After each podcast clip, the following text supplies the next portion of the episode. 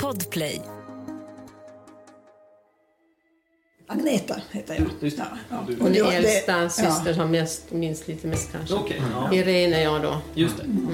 Det är våren 2022. Jag och Christer Björle från magasinet Horisont sitter runt ett vackert gammalt träbord i ett hus i Djurgården på sydöstra Gotland. Jag kan säga att ni sitter vid svenskt bord och stolar. Är det så? Vi är här för att besöka systrarna Irene och Agneta. De är Sven Sjögrens närmaste idag levande släktingar. Sven var bror till deras mormor, Anna-Lisa. Vill ni se bilder? Jättegärna. Vi vill jättegärna Jag se vet dem. inte hur mycket ni vill. Alltså, ni Ja, får vi vill se allt. tycka det. Jag kan börja här i alla fall. Gamla smedjan och sen är det då um, grottmynningen här bakom. Det ja. Det Ja, var det är så den ska se ut. Alltså den där den använde mm. Vad heter det, mormor och mormors mor. Då. Hon, de använde ju det som kylskåp. Just det. Förutom det stora fotoalbumet så har Irene också plockat fram en omfattande släktforskning som en i släkten har gjort. Ja, men Sjögren, han hade ju släkt i Australien, så att det är ju dit han har åkt. Nej, nej, nej, nej, nej. Den, den digra släktforskningen finns det ingenting om det. Nej, jag har ju hört den där Australien-teorin tidigare, men, men som sagt, ingen av oss har ju någonsin hittat någonting. Nej, jag förstår inte riktigt var de har fått den Nej. ifrån. Det fattar jag inte. Nej, jag fattar tycker- du att, den, att, han, att vi ska ha släktingar i Australien? Jag har aldrig hört talas om. Här är den första bilden tror jag på Sven. Den, Ja, men du, den är ju söt. den har ni kanske. Ja, den jag inte sett faktiskt. Här, de har den. Vi kommer lägga upp vissa av de här bilderna på vår Instagram. Kalla understreck fall. Och där också Sven, Det jag. profil. Just det, det är en annan bild. är han. Var en stilig man. Ja, verkligen. Ja, där var alla de där ja. På en bild står hela familjen framför det röda trähuset vid Lummelundsbruk. Alltså det här huset, det byggde ju Karl Sjögren, alltså Svens pappa. Alltså, han kommer från Mästerby. Eller hur? Ja, och Och, så ta sen fram så byggde de eh, ett hus vid Visborgslätt som han byggde själv. Mm. Och sen när han gick i pension från AQ så köpte han hela Lummelunds bruk och bodde i det gamla stenhuset. Mm. Och sen byggde han det här för att han ville bygga ett själv också. Då. Mm. Och sen fick Udin köpa det där vita. För det är ju varit sån där tvistefråga. Rudin hävdar ju att nej, men Sjögren bodde aldrig i Stora huset utan eh, Jo, Jo, han flyttade in där ju. Han flyttade in där och sedan byggde Så han det, det står det i alla fall i... Även Svens mamma är med på flera av bilderna. Anna Sjögren. Hon var en väldigt aktiv, driven kvinna. I kvinnorörelsen till och med, tror jag. Hon arbetade för kvinnlig rösträtt. Ja, Anna Sjögren tog under sin tid i Visby livligt del i arbetet för införandet av kvinnlig rösträtt. Ja. Hon var även intresserad av hemslöjd, speciellt vävning, och tillhörde i många år styrelsen för Gotlands hemslöjdsförening. I albumet finns också bilder på Svens stora syskon. Anna-Lisa, Nils, Signe och Aletta. det, är, det är hon som var sjuksköterska va? Nej, det där är Alette. Aletta? Ja. Hon var kartryterska. Kartriterska. Visst är det så? Det var den syster som bodde mest hemma. Och sen sades det något om att när hon dog sen så hissade Sven flaggan på halvstång och sen tog han aldrig ner den så att den hängde där tills den typ Ja, det blåste kan, Ja, det det kan väder och vind. Ja. jättelångt. Nej, men det var jobbigt för henne. Ja, Hon gick bort 62, va? Och sen gick vår mormor bort 66, fyra år efter. Agneta minns tydligt Sven från sin barndom och ungdom. En lugn och väldigt snäll person. Ja. Vi minns honom bara som en... Ja. Var en snäll farbror. precis. och mammas morbror, morbror Ja. sen. Alltså, jag, jag, jag var ju inte så gammal. Eller, jag var 16 år när jag 72 då. Sen har jag bara något minne när vi var med mamma ute hos morbror Sven i, i Lummelunda. Hon körde dit ut för att hon skulle få en liten byrå av honom som jag har här uppe. Och så var vi där inne och han bjöd på saft och vi satt i köket och vi sprang runt i huset och han hjälpte att bära ut byrån. Och det minns jag väldigt klart. ja, men det minns jag också. Så Ja. gick vi runt och tittade i huset och det var... Salen det var rent och fint och alltihop och det var liksom... Det var, det var fräscht. Mm, det var jag minns. Men ni minns inte alls att det var sån här, alltså man är, de här bilderna som polisen har tagit så ser det ju, eh, det är väldigt rörigt och sådär. Nej. Nej, det, det, det har jag reagerat på att oj, nej, den, den bilden har inte alls vi. Och det hade inte mamma heller. Det Nej. kommer jag så väl ihåg. Man, det dröjde så många år innan han började förklara. det. Under de åren har man ju växt till sig. Liksom. Och så hade man, och man visste ju hur mamma och de, hur de kämpe det Ja, där. Och hon sa ju samma sak. Liksom. Hon tyckte det var så sorgligt att det liksom var så. För så var det inte. Att det, men den bilden gavs liksom. Det var någonting som hade hänt, måste ha hänt liksom. Ja, den sista tiden precis Sista åren, Ja. ja, precis. Men visst var han motarbetad. Verkligen. Från högre och från jag politiker och alla. ja. Känner jag ju liksom. Ja, när man, det, men att det de har liksom ville styra åt ett håll liksom och han ville något annat och han var för liten där. Och sen skulle köra alla över han liksom bara. Mm. Och de har möten och han är inte ens inbjuden liksom. Det är han som sitter på marken. Och det var Ja, men- hans mark vi och sen blir han bara stoppad och stoppad och stoppad Mm. och sen hela historien slutar på det här sättet att allt får som de vill utom han. Hur reagerade släkten och sådär när man fick veta att han hade försvunnit? Jag minns bara att de tyckte det var... Nej, men det var jättejobbigt. Oj, oj, oj. Syskonen uppe i Stockholm och även mamma. Och det, var, det var en väldigt jobbig period. När man undrade, naturligtvis undrade.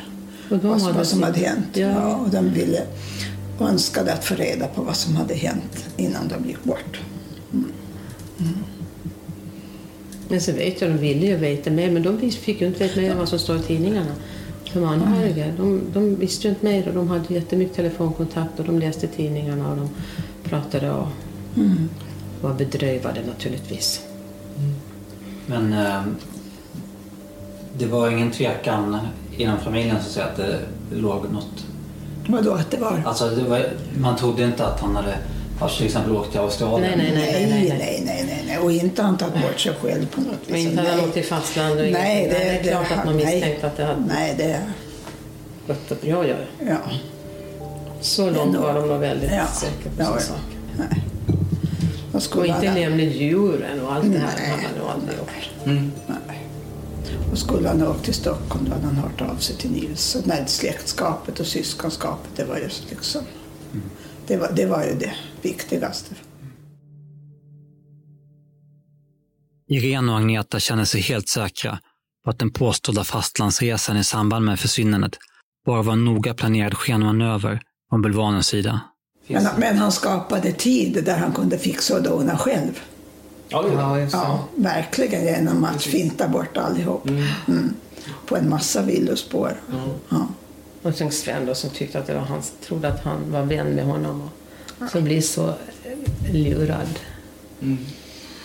Men det här med, eh, med minkfarmaren och mink, det är inget som ni... Ja, det, det, Däremot det, så det, vet man ju inte vad han kan ha veta. Kan ha veta. Visst, Nej, så är det han visste. Det tror vi allihop. Nej, Ja. Min farmor med det. Mm. Den 7 februari 1973 så fortsätter rättegången i bedrägeriåtalet mot bulvanen.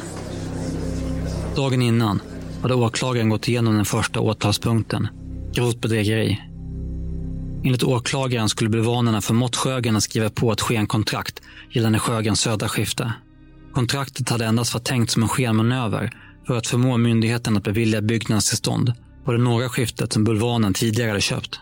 Men istället, menade åklagaren, hade bulvanen sålt kontraktet vidare till direktören och själv behållit handpenningen på 50 000 kronor. En summa som idag motsvarar nästan en halv miljon kronor. Nu gick rättegången vidare med nästa åtalspunkt. Grovt bedrägeri medelst urkundsförfalskning gällande två ytterligare markområden. Åklagaren ber direktören att berätta om hur hans och bulvanens affärer fortsatte efter att köpet av det södra skiftet var färdigt. På ett tidigt stadium informerade direktören Bulvanen om att förutom det södra skiftet vill han även köpa ytterligare mark av Sjögren. Främst var han intresserad av ett område som låg mellan Sjögrens gård och Stora vägen, som kallades för Tomterna.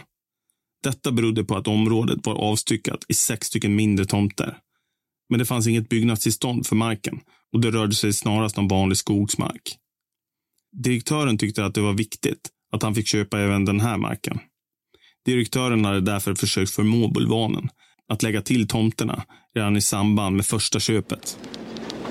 Ja, som jag kanske tidigare nämnde då så får jag informera om vilken del av eh, Sjögrens fastighet som jag är intresserad av. Bland annat eh, tomterna där uppe som ligger intill. De var ju nödvändiga för att vi skulle kunna skapa kommunikation eh, inom området och så vidare. Han gav utsikt att det skulle vara möjligt att få förvärva den marken och då menade jag på att jag var villig att lämna mer pengar för att vi skulle få ett köp till stånd. Jag vill minnas att eh, jag i det skedet eh, ville att köpet skulle slutföras i DBV Sparbank. Så jag deponerade ytterligare 15 000 kronor där. Då tyckte jag att eh, det skulle vara bra om vi kunde göra upp i banken. Dels skulle det bli bevittnat i banken och dels så skulle köpet kunna utvecklas till till och med de här tomterna och vi skulle kunna få ett, ett avslut. Men Bulvanen hade återvänt och förklarat att Sjögren inte velat gå till banken och därför blev inte heller köpet av tomterna av den här vändan. Direktören hade därför på nytt bett Bulvanen att försöka ordna köpet. För detta hade han också fått överlämnat en ny check på en stor summa pengar som Bulvanen hade löst ut mot kontanter i banken senare samma dag. Därefter gick månaderna utan att någon affär blev klar. Under sommaren 1972 levde Bulvanen ett liv där det inte verkade finnas någon brist på pengar.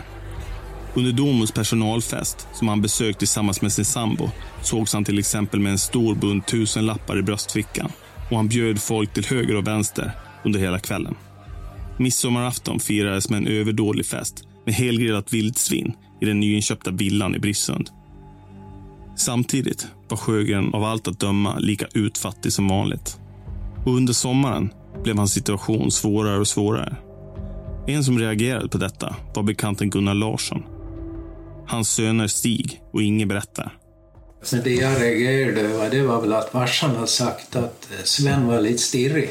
Att han verkade nervös alltså. Ja, men han kanske hade en press på sig. Han sa att han hade inga pengar och ingenting. Vet du. Nej, det är klart. Så han, kanske. måste, han måste ju ha fram pengar som Ja, leva. Vad, vad varnade då farsan för det? Kanske han började väl dra några slutsatser själv. Det skulle jag nästan tro. Kan ju Att det började brännas lite. Under sommaren påbörjade Bulvanen en del reparationer på Sjögrens halva av den stora ladan vid bruket. Enligt Sjögrens bekanta så var det Bulvanen som hade erbjudit sig att reparera ladan för Sjögrens räkning. Sjögren hade varit skeptisk, men ändå gått med på det. Men efter bara några dagar hade arbetet avslutats då hantverkarna inte fått betalt av Bulvanen.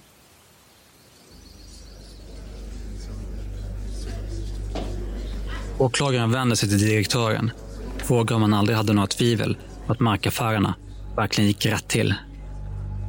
Direktören svarar att han aldrig hade några sådana tvivel.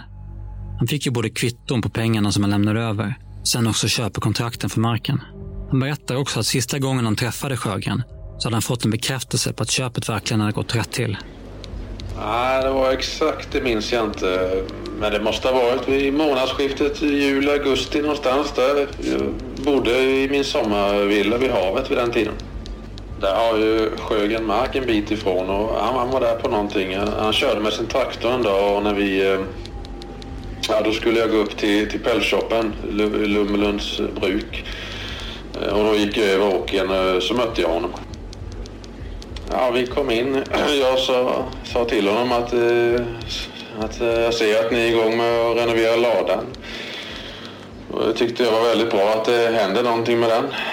Och då klämde han ut sig att eh, jag har sålt till och han tyckte det var en bra karl. Sjögrens egna ord var att han kan tas med myndigheterna och de ska få med honom att göra. Så sa han. Direktören menar att han på detta sätt hade kunnat konstatera att Sjögren verkligen hade sålt till Bulvanen, men Sjögren inte visste om att Bulvanen därefter hade sålt marken vidare.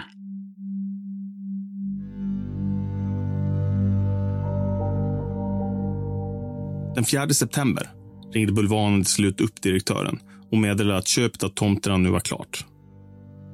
Direktören befann sig vid tillfället på fastlandet för att köpa en djur till den kommande djurparken. När han kom tillbaka till ön hade de träffats hemma hos direktören i Salthamn.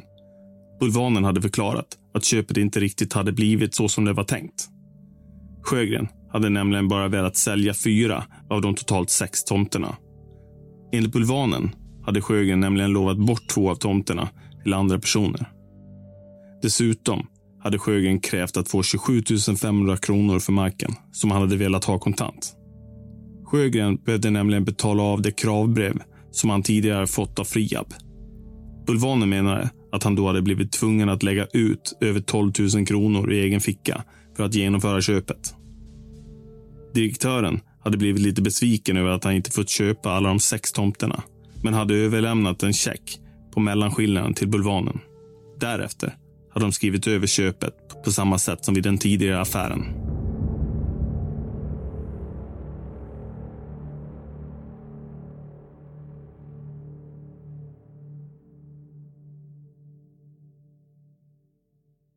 Åklagaren informerar rätten om att Statens kriminaltekniska laboratorium har analyserat Sjögrens namnunderskrift på köpekontraktet och med mycket hög sannolikhet har kunnat konstatera att denna inte är skriven av Sjögren, utan rör sig om en förfalskning.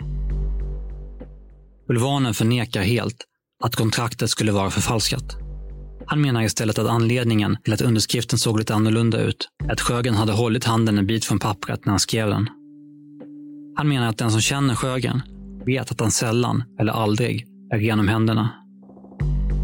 Bulvanen menar att han flera gånger hade varit tvungen att skriva om handlingar som Sjögren hade smutsat ner. Domaren invänder och frågar om Bulvanen inte kunde bett Sjögren att tvätta sig först. Bulvanen svarar att man inte bara kan säga till människor att de är smutsiga hur som helst. Dessutom var Sjögren väldigt svår att övertala, så det gällde att passa på de få gånger han verkligen var villig att sälja. Åklagaren påpekar också att ingen av de två personer som bevittnat Sjögrens namnteckning var närvarande när kontraktet skrevs på. Fel, svarar Bulvanen. Ett av vittnena var med när Sjögren skrev på. Men han var spritpåverkad vid tillfället och kommer inte ihåg det. Det aktuella vittnet förhörs i rätten. Han berättar att han en dag i september hade suttit på hamnstationen i Visby. Möjligen hade han tagit någon pilsner, men han var inte berusad. Bulvanen, som han känner ytligt, hade då kommit förbi och pratat lite med honom. Bulvanen hade sedan frågat om han inte kunde tänka sig att bevittna namnteckningen på någon form av köpehandling som han plockade fram. Det var bara han och Bulvanen som satt vid bordet. Han granskade handlingen flyktigt och skrev sedan under på anvisad plats. Han hade förstått det hela som att det var Bulvanens namnteckning som han skulle bevittna. Han hade blivit förvånad när polisen senare informerade honom att det var Sven Sjögrens namnteckning som han hade bevittnat. Åklagaren går därefter vidare till nästa åtalspunkt och ber direktören berätta om den sista affären mellan honom och Bulvanen. I samband med att köpet av tomterna gjordes klart informerade direktören Bulvanen om att han även var intresserad av att köpa Sjögrens åkermarker som låg ute vid den utdikade Martebomyr.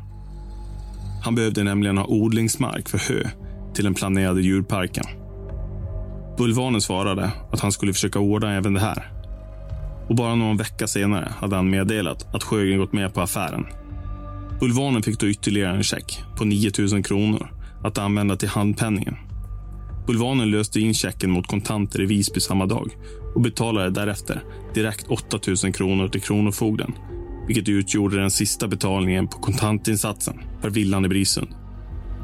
Cirka en månad senare, den 4 oktober, bara dagar innan Sjögrens försvinnande, så dyker Bulvanen upp hemma hos direktören och visar upp två dokument som han hävdar bevisar att köpet av myrmarken nu är klart.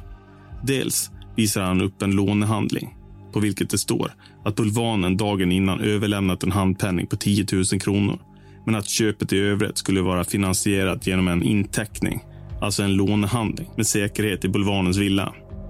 Bulvanen visar även upp ett kvitto på 10 000 kronor med Sjögrens namnteckning på.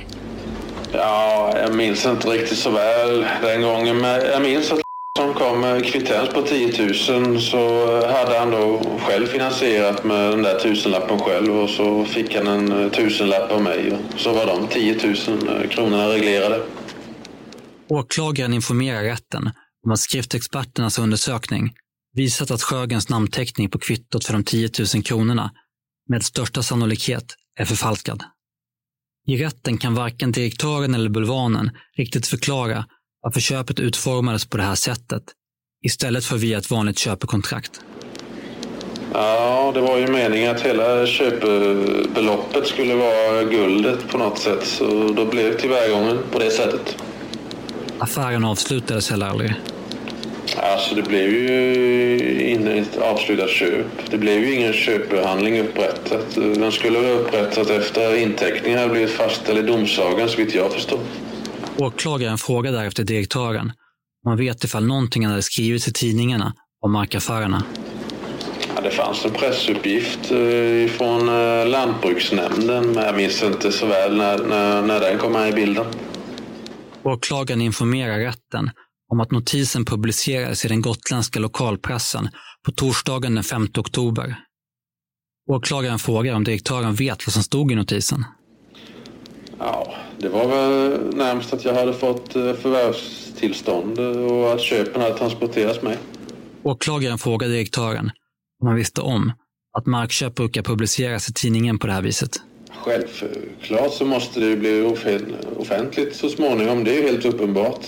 Jag vill tillägga att Sjögrens eh, taxeringsvärde som var mycket lågt i förhållande till köpeskillingen så han gjorde en mycket bra affär. Så det var inte på något sätt eh, ofördelaktigt att offentliggöra affären eh, så småningom, varken för Sjögren eller för mig eller någon annan. Åklagaren frågar honom om han och Bulvanen någonsin diskuterade vad de skulle göra när en sån här artikel publicerades. Direktören säger sig inte minnas att de har gjort det, men han minns i alla fall att han sedan läste notisen i tidningen. Han hade då undrat hur Sven Sjögren skulle reagera. Åklagaren går därefter vidare till Bulvanen som får frågan om han inte var rädd för vad som skulle hända när det gick upp för Sven Sjögren att han hade sålt marken bakom hans rygg. Bulvanen svarar att han inte var särskilt orolig för detta. Han räknade med att Sjögren skulle ta saken med ro när allt väl var i hamn och han stod inför fullbordat faktum. En person som vet hur Sven Sjögren reagerade på nyheten är hans bekant Gunnar Larsson. Stig Larsson berättar. Då kom Sven förbi farsan. Och då, då sa farsan, ja men nu, nu, nu, nu verkar det som du har sålt till lån. Helt oförstående. Nej. Vad säger du för någonting?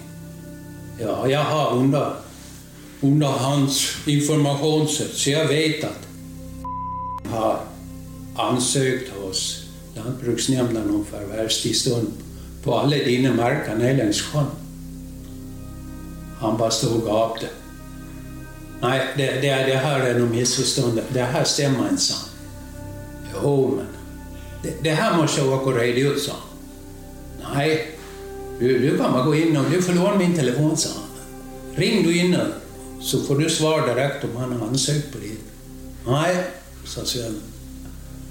Jag måste in och reda ut det där. Så vände han traktorn, han var på väg till myren. Och vände han traktorn och åkte hem. Det var sista gången farsan såg Slutligen tas den fjärde och sista åtalspunkten upp. Olaga vapeninnehav. Bulvanen har redan erkänt sig skyldig på den här punkten. Han bekräftar att han mycket riktigt haft två stycken hagelgevär hemma som inte tillhört honom och som han inte har någon licens för. Det ena geväret har han fått låna av en bekant till hans föräldrar. Sen hade det helt enkelt inte blivit av att lämna tillbaka det. Det andra vapnet är ett gammalt dubbelpipigt och väldigt lyxigt gevär med utsigad kolv dekorerad med beninläggningar. Åklagaren frågar vem geväret tillhör. Bulvanen berättar att det är Sven Sjögrens gevär. Han förklarar att kort innan Sjögren försvann så hade han fått låna vapnet för att smörja upp det och laga en av hanarna som var trasig. Men inget av detta hade blivit av.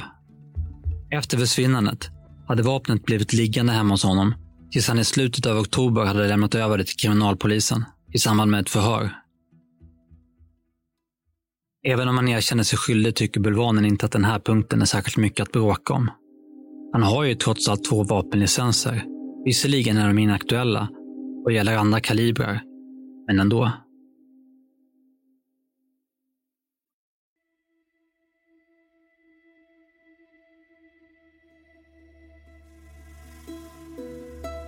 Den märkliga rättegången, där den egentliga huvudpersonen är frånvarande och där målsägaren har grillats nästan lika hårt av åklagaren som den åtalade börjar därefter lida mot sitt slut.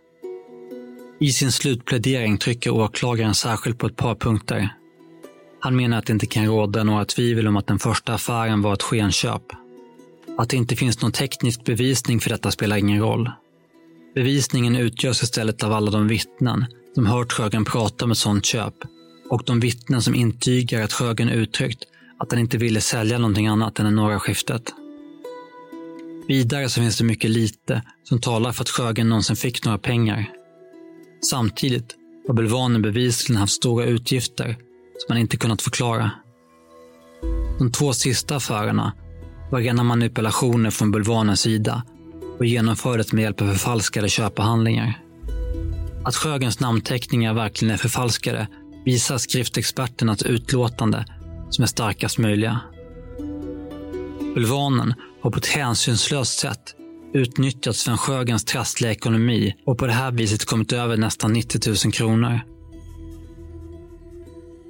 Bulvanens advokat menar istället att det mesta tyder på att affärerna gått till så som Bulvanen påstår. Till exempel hade ju Bulvanen helt öppet rustat upp ladan vid bruket som ingick i det påstådda skenköpet. Inte skulle väl Bulvanen börjat arbeta på ladan om inte köpet var äkta? Vad gäller namnteckningarna så menar advokaten att experternas utlåtande inte betyder någonting. Han tycker inte att man kan begära att Sven Sjögren med sina stora valka händer och ovana skriva ska kunna skriva likadant varje gång. Han fortsätter. När det gäller den sista markaffären, som också skulle vara förfalskad, enligt åklagaren, så finns det ett faktum som pekar mot ett helt annat håll. Lånehandlingen som bulvanen visade upp för direktören hittades ju senare av polisen inne i Sjögrens bostad. Hur skulle den ha kunnat hamna där? Om det var frågan om en förfalskning. Efter advokatens slutplädering inleder bulvanen en egen slutreplik. Jag förstår att åklagaren vill få fast mig. Om jag är riktigt underrättad så har polisutredningen kostat en kvarts miljon kronor av allmänna medel. Då förstår man att åklagaren försöker gripa efter minsta halmstrå. Annars hade ju kostnaderna för utredningen inte ens räckt till att få fram en ordentlig efterlysning efter Sjögren. Det är verkligen synd att inte Sven Sjögren finns till hands och kan berätta vad som verkligen har hänt. Vad det gäller de påstådda skenköpen så hade ju byggnadsnämnden, Naturvårdsverket och andra myndigheter varit inblandade. Skulle det då kunna vara ett skenköp? Sjögren har ju bevisligen kvitterat ut de 50 000 kronorna i handpenning. Det är verkligen synd att åklagaren inte fick lära känna Sjögren. Då skulle ni ha förstått att Sjögren aldrig skulle ha kvitterat ut pengar som han inte tagit emot. Att jag skulle förfalskat Sjögrens namnteckning är struntprat. Hade jag verkligen varit en bedragare så hade jag väl i så fall skrivit ett kontrakt som innefattade alla tomterna och dragit till med en större köpesumma än 27 500. Då hade jag väl istället sagt 50 000 kronor. Direktören var ju beredd att betala så mycket ifall han hade kunnat köpa alla tomterna.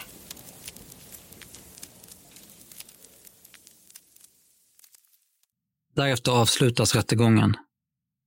Tio dagar senare kommer domen. Tingsrätten väljer att helt gå på åklagarens linje vad gäller kontrakten på tomterna och myrmarken.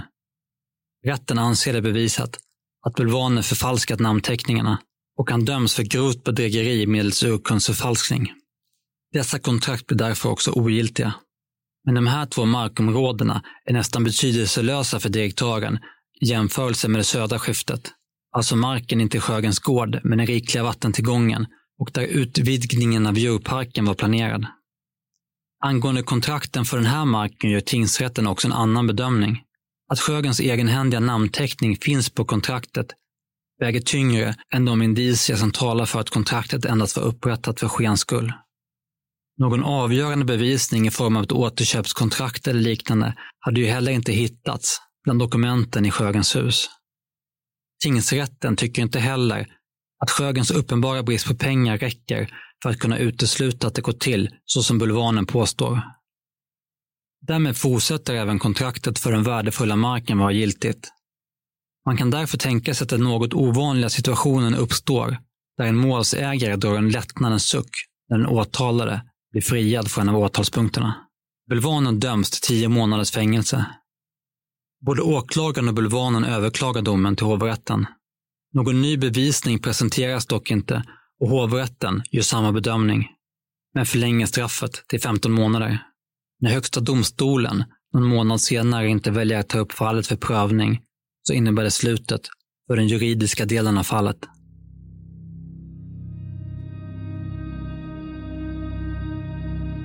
Men den viktigaste frågan, vad som egentligen hände med Sven Sjögren, hade lämnats obesvarad. Polisens utredning av försvinnandet fortsatte, men nu på sparlåga. Desto hetare var spekulationerna bland människorna på Gotland.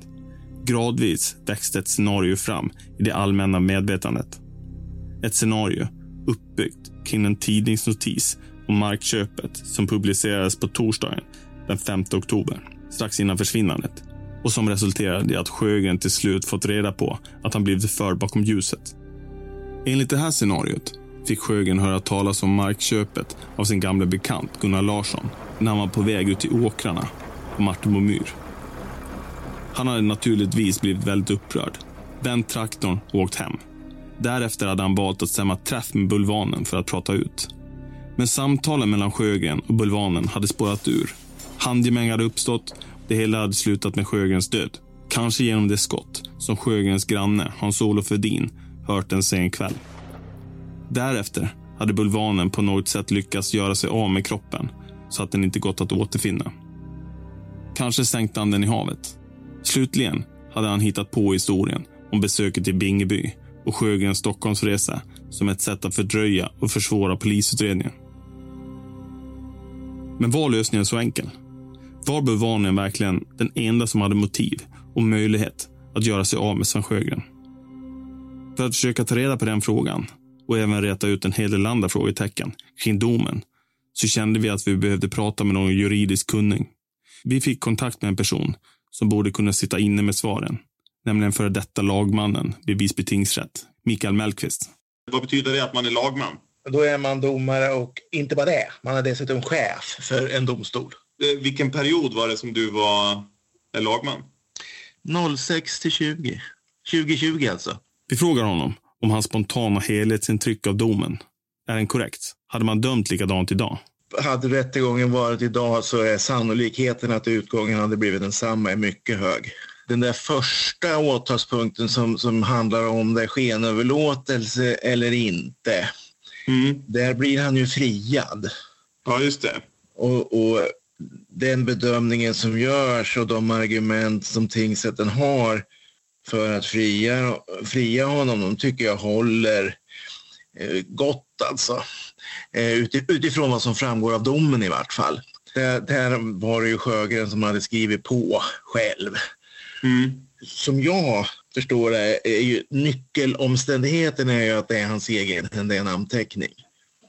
Och sen kring den nyckelomständigheten finns det andra omständigheter som också kan peka i samma riktning. En annan detalj vi funderar över är bevittnandet av kontrakten. Kontraktet för det södra skiftet hade bevisligen inte undertecknats i vittnes närvaro och det ena vittnet var en anhörig till bulvanen, nämligen hans sambo. Det, det, finns ju inga absoluta krav för detta, men det är klart att ett vittne blir starkare om det är ett oberoende. Mm. Eh, att det inte är någon släkting eller någon som eh, själv är inblandad i affären eller så. Mikael förklarar att bevittningen av namnteckningen egentligen inte har någon avgörande betydelse för kontraktets giltighet när det kommer till köpehandlingar. Nu för tiden, det är inte så många handlingar som, som det ställs några formella krav på bevittnande. Det är väl närmast testamente nu för tiden. Och då ska ju personerna som bevittnar det vara eh, ojäviga.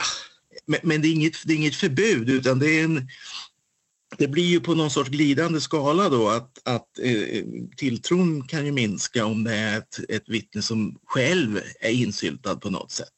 Mikael poängterar att det är en avgörande skillnad mellan vad som går att leda i bevis i domstol och vad som i verkligheten kanske är det mest sannolika scenariot.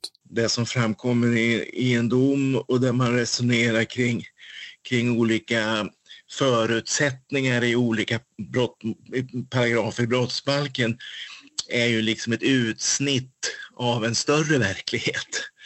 Mm. Och, och, när man sätter in det i den här större verkligheten så är det möjligt att, att det framstår som inte fullt sannolikt det ena eller det andra. Men eh, prövningen här är ju att det ska kunna naglas fast att det verkligen var ett skenavtal. Jag tycker de här tvivlen som, som, som domstolen så redovisar tycker jag har en lyftkraft. När det gäller de andra åtalspunkterna som man, som man åker dit på, där är det ju mera, tycker jag, också som domstolen tycker att eh, det är klart att han har fifflat med den där namnteckningen och massa konstigheter kring de här eh, han Johansson som bevittnar utan liksom träffa honom på restaurangen utan att Sjögren var med och, och det här va. Och där hade man väl gjort en forensisk analys också som som sa att det var synnerligen osannolikt att det var, alltså det är ganska starka skrivningar. Ja, där tycker jag bevis, bevisningen är väldigt god för hans eh, skuld så att säga. Tio månader. Är det ett straff som hade stått sig idag också? Du, det där var en klurig fråga. Eh, nej, alltså jag tror ju att idag hade det nog blivit mera. Om, om vi räknar upp beloppen med, med, med index så att säga så eh, hade man nog fått sitta ett par år idag. Men, men nu, nu skjuter jag lite från höften ska jag erkänna. Men, men det känns så i alla fall. Men vilken betydelse kan då bedrägeriet som nystades upp i rättegången ha haft för Sjögrens försvinnande? Man kan ju spekulera i att om han trodde att han skulle, eh, skulle liksom kunna komma undan med det här, så bara, bara Sjögren var borta, då, då kan ju det vara en, en hypotes naturligtvis. Men, men eh, det är väl inte otänkbart att, att han skulle kunna åtminstone ha trott sig kunna ha vinning av att Sjögren försvann. Vi återvänder ännu en gång till kontraktet för det södra skiftet. Det enda av köpen som gick igenom. Man får ju intrycket av att alla, alla tre de här huvudpersonerna, för att kalla dem för det, och Sjögren, att de hade väl små rävar bakom öronen alla tre på ett eller annat sätt. Va? Jag säger inte att de är brottsliga, det är inte så jag menar, men alltså att, att, att de där ute i, i, de hade sina idéer vad de skulle kunna göra med fastigheter och annat. Det, det jag slås är också av att, att Sjögren blir så betuttad i han säger det är den här kyrkängen och, han, Ja, och, och omgivningen varnar. Han får ju varningar från flera håll, men nej. Han är jäkla förtroende för honom. Det är ju det faller utanför juridiken, men rent mänskligt tycker jag det är lite konstigt. Alltså egentligen om man ska vara lite mer, alltså så är ju egentligen är ju allting kan ju falla in innanför juridiken. Jag menar, vi har ju, vi har ju fri bevisföring och fri, fri bevisvärdering i det här landet, vilket innebär att eh, man, man får och ska beakta allt som förekommer inom ramen för processen. Det måste ju framföras i rättegången, det räcker inte med att det snackas på stan. Men har det framförts i rättegången så kan det kan ju, och är ju vanligt att just att de är ett udda par och, och, och så, det, det behöver inte vara helt betydelselöst. Men det, det, jag, det jag tänker det är att liksom, vittnena är Ja. ju, i, i alla de här fallen är ju lite vajsing med. Ja. Dessutom är Sjögren borta. Ja. Så det är, ju, det är ju ingen som kan, alltså han som egentligen har någonting att säga till om, han är ju inte på plats. Han är Nej. inte med längre.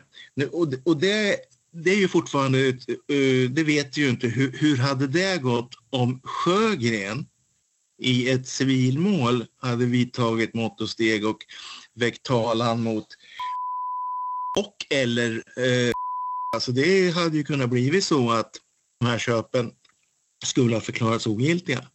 Det hade ju Sjögren naturligtvis kunnat bidra till utredningen om han hade funnits tillgänglig. Men nu fanns han inte tillgänglig. Som det första kontraktet verkligen var ett skenavtal och Sjögren hade papper hemma som skulle kunna häva köpet så framträder ett helt nytt motiv. På grund av Sjögrens bortovaro, om jag uttrycker det så, så hamnar ju de här fastigheterna hos och det kunde ha gått, det, det kunde ha gått annorlunda om Sjögren hade inte varit borta. I ett sådant scenario blir det inte längre lika självklart att det var bulvanen som hade det starkaste motivet till försvinnandet. I så fall var det snarare en annan person som hade mest att vinna på att Sven Sjögren försvann. Nämligen direktören för minkfarmen i Salthamn.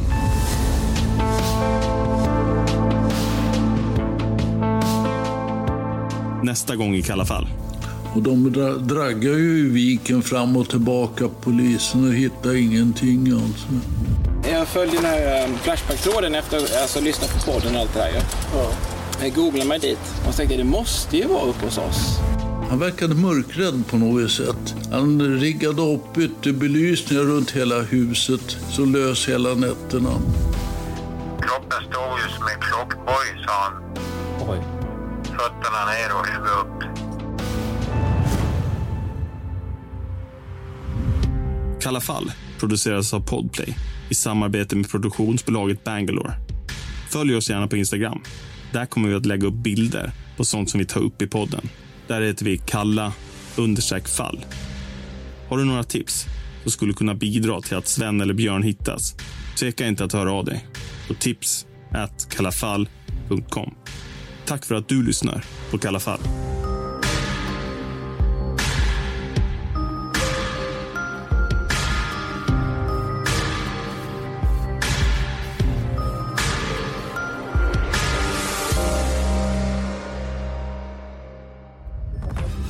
Podplay, en del av